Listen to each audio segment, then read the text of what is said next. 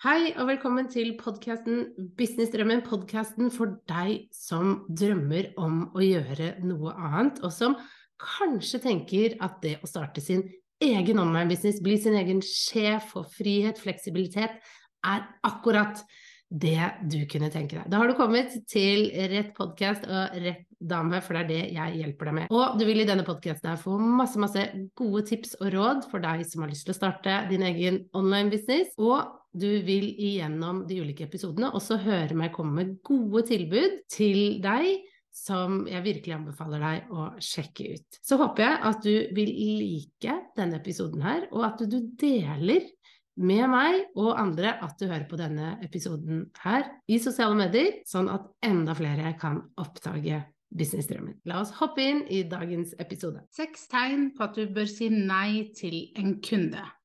Så en person har tatt kontakt fordi hun eller han har lyst til å jobbe med deg, og du kjenner at du er glad og du er gira, men bør du ta jobben?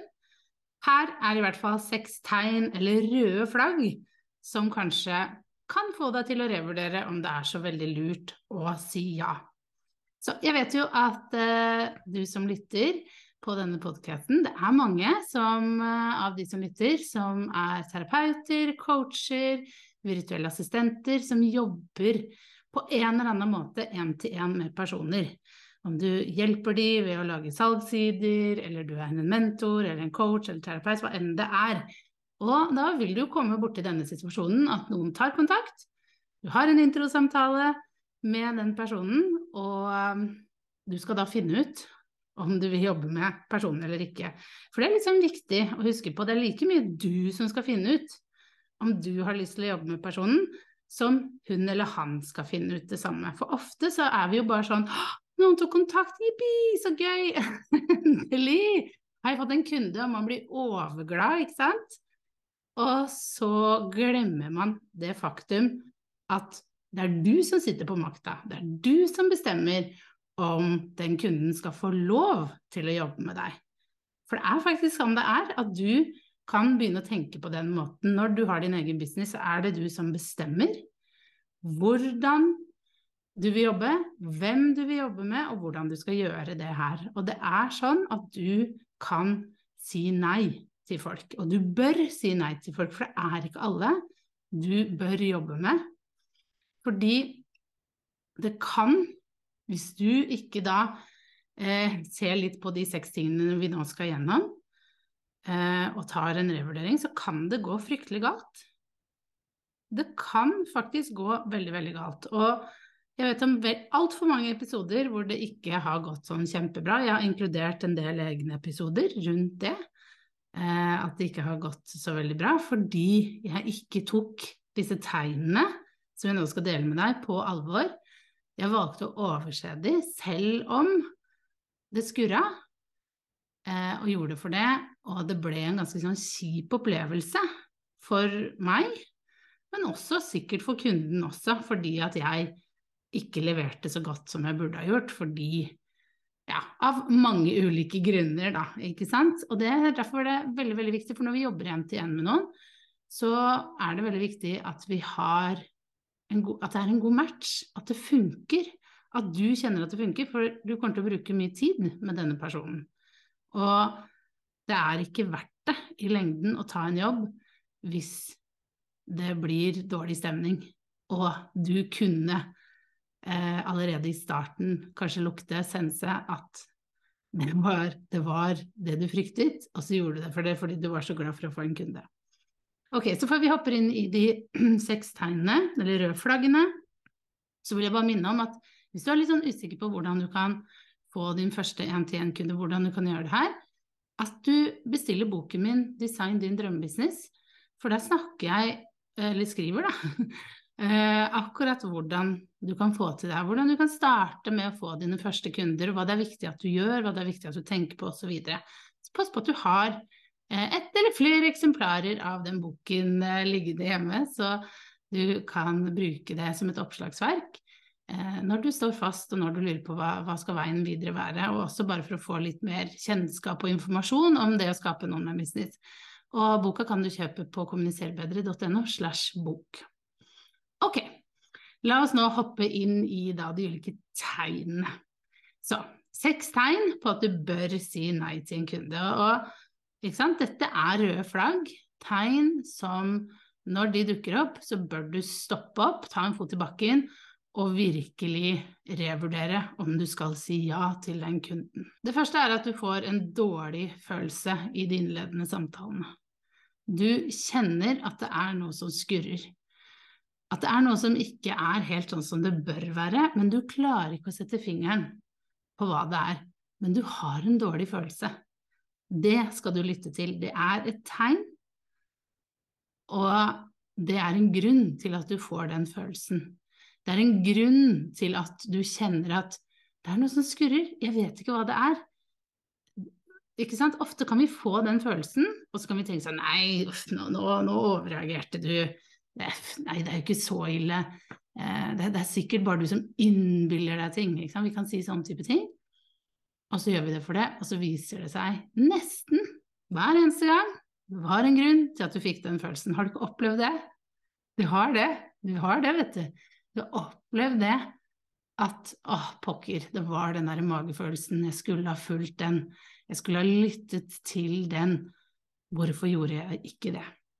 Så hvis den dukker opp, at du bare kjenner, det er ikke noen annen god forklaring, så er det en god nok forklaring. Det er et tegn du bør ta på alvor. Da bør du kanskje undersøke litt mer, stille litt flere oppfølgingsspørsmål, grave litt, eller bare tenke, vet du hva, jeg stoler såpass mye på min egen intuisjon at jeg legger den død. Og det har jeg gjort. Jeg har bare hatt flere møter med folk hvor jeg har bare kjent her er det noe som skurrer. Jeg klarer ikke å sette fingeren på hva det er, men jeg får en dårlig følelse i kroppen. Får, det er et eller annet her som ikke stemmer, det her skal ikke jeg jobbe med. Eh, bare, bare, noe som sier meg nei, styr unna.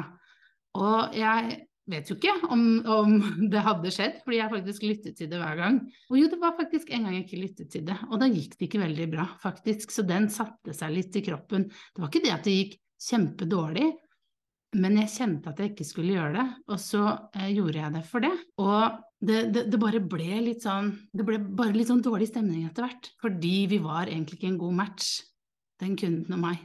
Det, det ble Jeg var uklar, hun var uklar det ble, det ble ikke noen grenser. Eh, det var en for krevende kunde for meg som var ny, for å bare si det som det er. At jeg klarte ikke å, å, å sette tydelige nok grenser. Så da følte jeg at jeg jobbet hele tiden. Og da ble jeg bare bitter, sur, irritert, og så var det jeg som ikke hadde klart å sette de grensene. Og jeg kjente på meg at eh, det kanskje nok var litt for tidlig med en sånn type kunde. Eh, og det er litt sånn treningssak, ikke sant. En øv øvelse vi, vi må, øve på det med å få eh, mer selvtillit, tydeligere på grenser, flinkere i jobben vår osv. Så, så Så det er den første. Rett og slett får du en dårlig følelse, så, så bare lytt til den. Ikke gjør det, ikke gå den veien. Ok, Nummer to er at eh, personen som kommer til deg, har en uklar bestilling, men samtidig veldig høye forventninger som du umulig kan leve opp til eller levere på. Dette skjer oftere enn du tror at eh, det kommer folk som ikke aner egentlig hva de vil ha. Og det å prøve å hjelpe dem med å finne ut av hva det er de egentlig trenger, det er vanskelig, og det er eh, ikke alltid verdt å gå inn i det. Fordi at resultatet blir ikke sånn superbra. Man kan eh, gjøre noen sånne foreløpige eller sånn innledende samtaler for å, for å, finne litt ut av hva du egentlig tenker er det dette, og det bør man jo ikke sånn forventningsavklare og sette noen sånne ok, det er det dette vi skal jobbe med. Men hvis det blir for ullent, eh, for uklart, så, så styr unna, fordi da vil du aldri få en kunde som er fornøyd.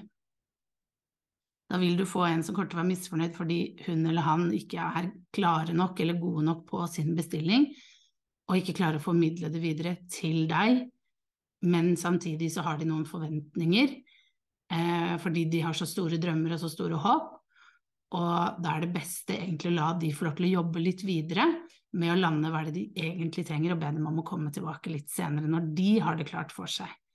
For det tenker jeg at eh, det bør man ha før man innleder eh, et samarbeid. Det kommer jo veldig an på hva du jobber med. Selvfølgelig, noen jobber jo med å hjelpe folk med å, finne klarhet. Men eh, hvis du ikke har det som jobb, og noen kommer med en, en ullen bestilling, så tenker jeg at da kan man bare si at dette blir nok litt for Jeg er ikke helt sikker på hva du ønsker her. Så ta gjerne noen runder til, og kom tilbake når du har en tydeligere bestilling. På en hyggelig måte, selvfølgelig. Tegn nummer tre er at du kjenner at du ikke har trua på prosjektet. At det kanskje går mot dine egne verdier og overbevisninger.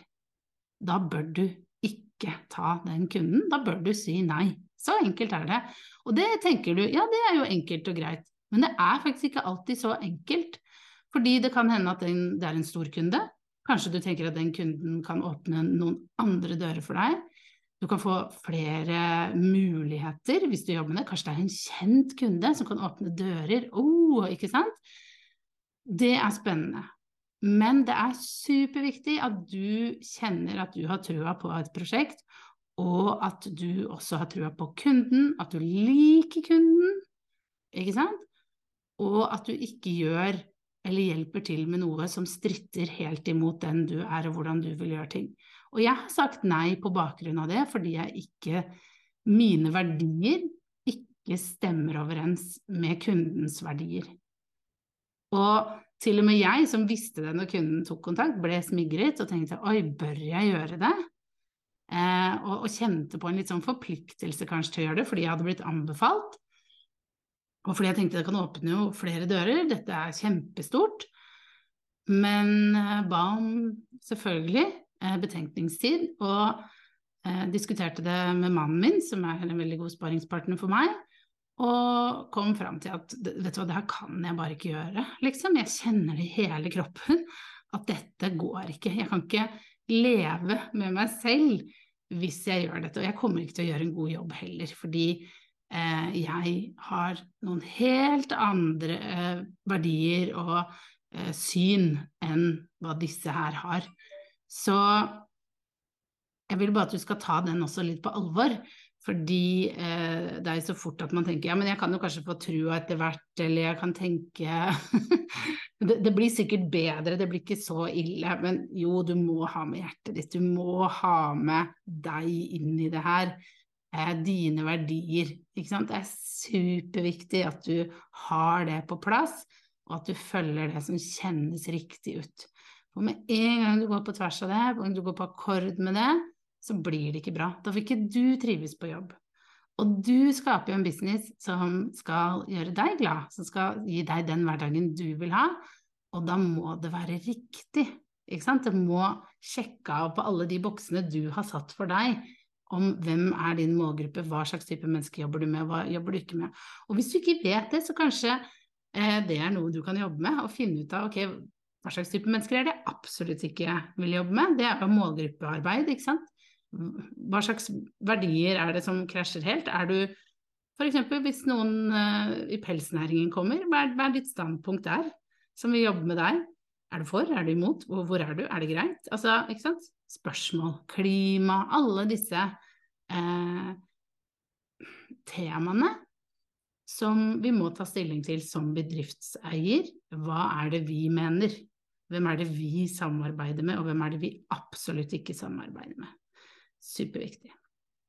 Ok, nummer fire er at du hører allerede i introsamtalen at personen egentlig ikke vil gjøre det på den måten du presenterer, men pusher for å få det slik som hun eller han vil. Ikke sant? Sånn, ja, men du kan vel også gjøre litt sånn, eller ja, men det går vel greit om jeg sender en e-post der eller der, eller ja, det, det, går vel fint om jeg innimellom sender deg en e-post i helgen, og du svarer hvis det er veldig hast, ikke sant, selv om du har sagt at du svarer ikke på ting i helgene.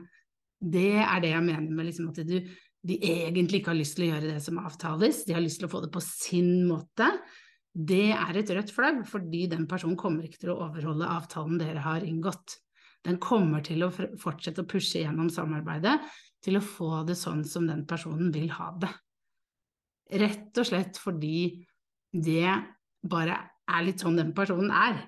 Og det tenker jeg at du skal ta veldig alvorlig. Og selv om du liker kunden, og selv om det hadde vært morsomt å jobbe med, så ta bare en revurdering på vil det være verdt det fordi du allerede nå merker at personen pusher, og dytter og vil ha ting på, på sin måte før dere har inngått samarbeidet. Det er veldig sjelden en god start på et godt samarbeid.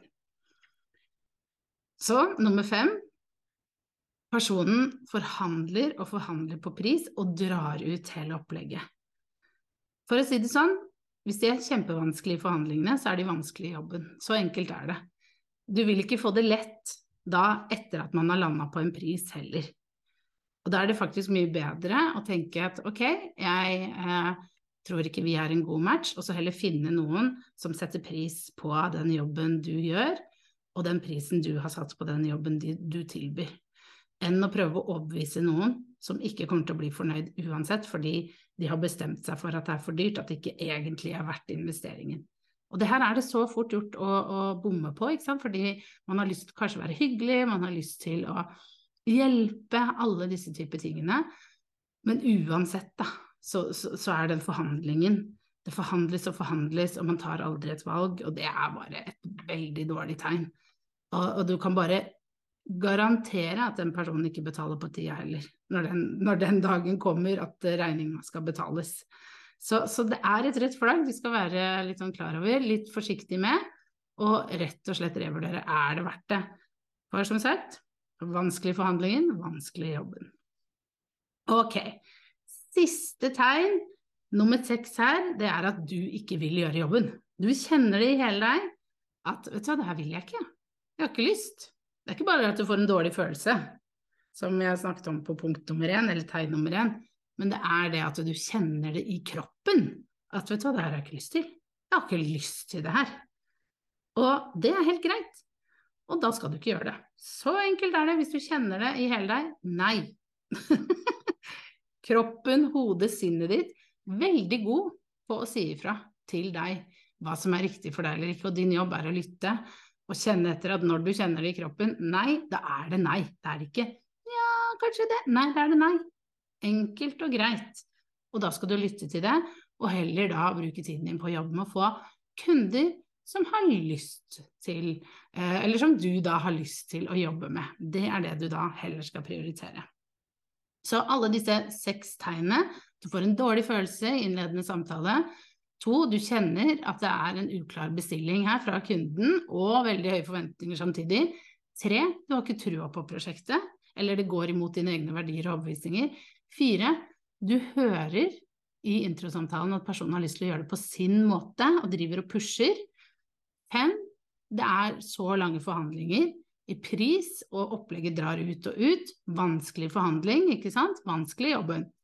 Nummer seks, du vil ikke gjøre jobben, du kjenner det i hele deg. Gode tegn på at det faktisk kanskje ikke vil være verdt å jobbe med denne personen. Og jeg vil bare minne deg om at i business så har du lov til å si nei.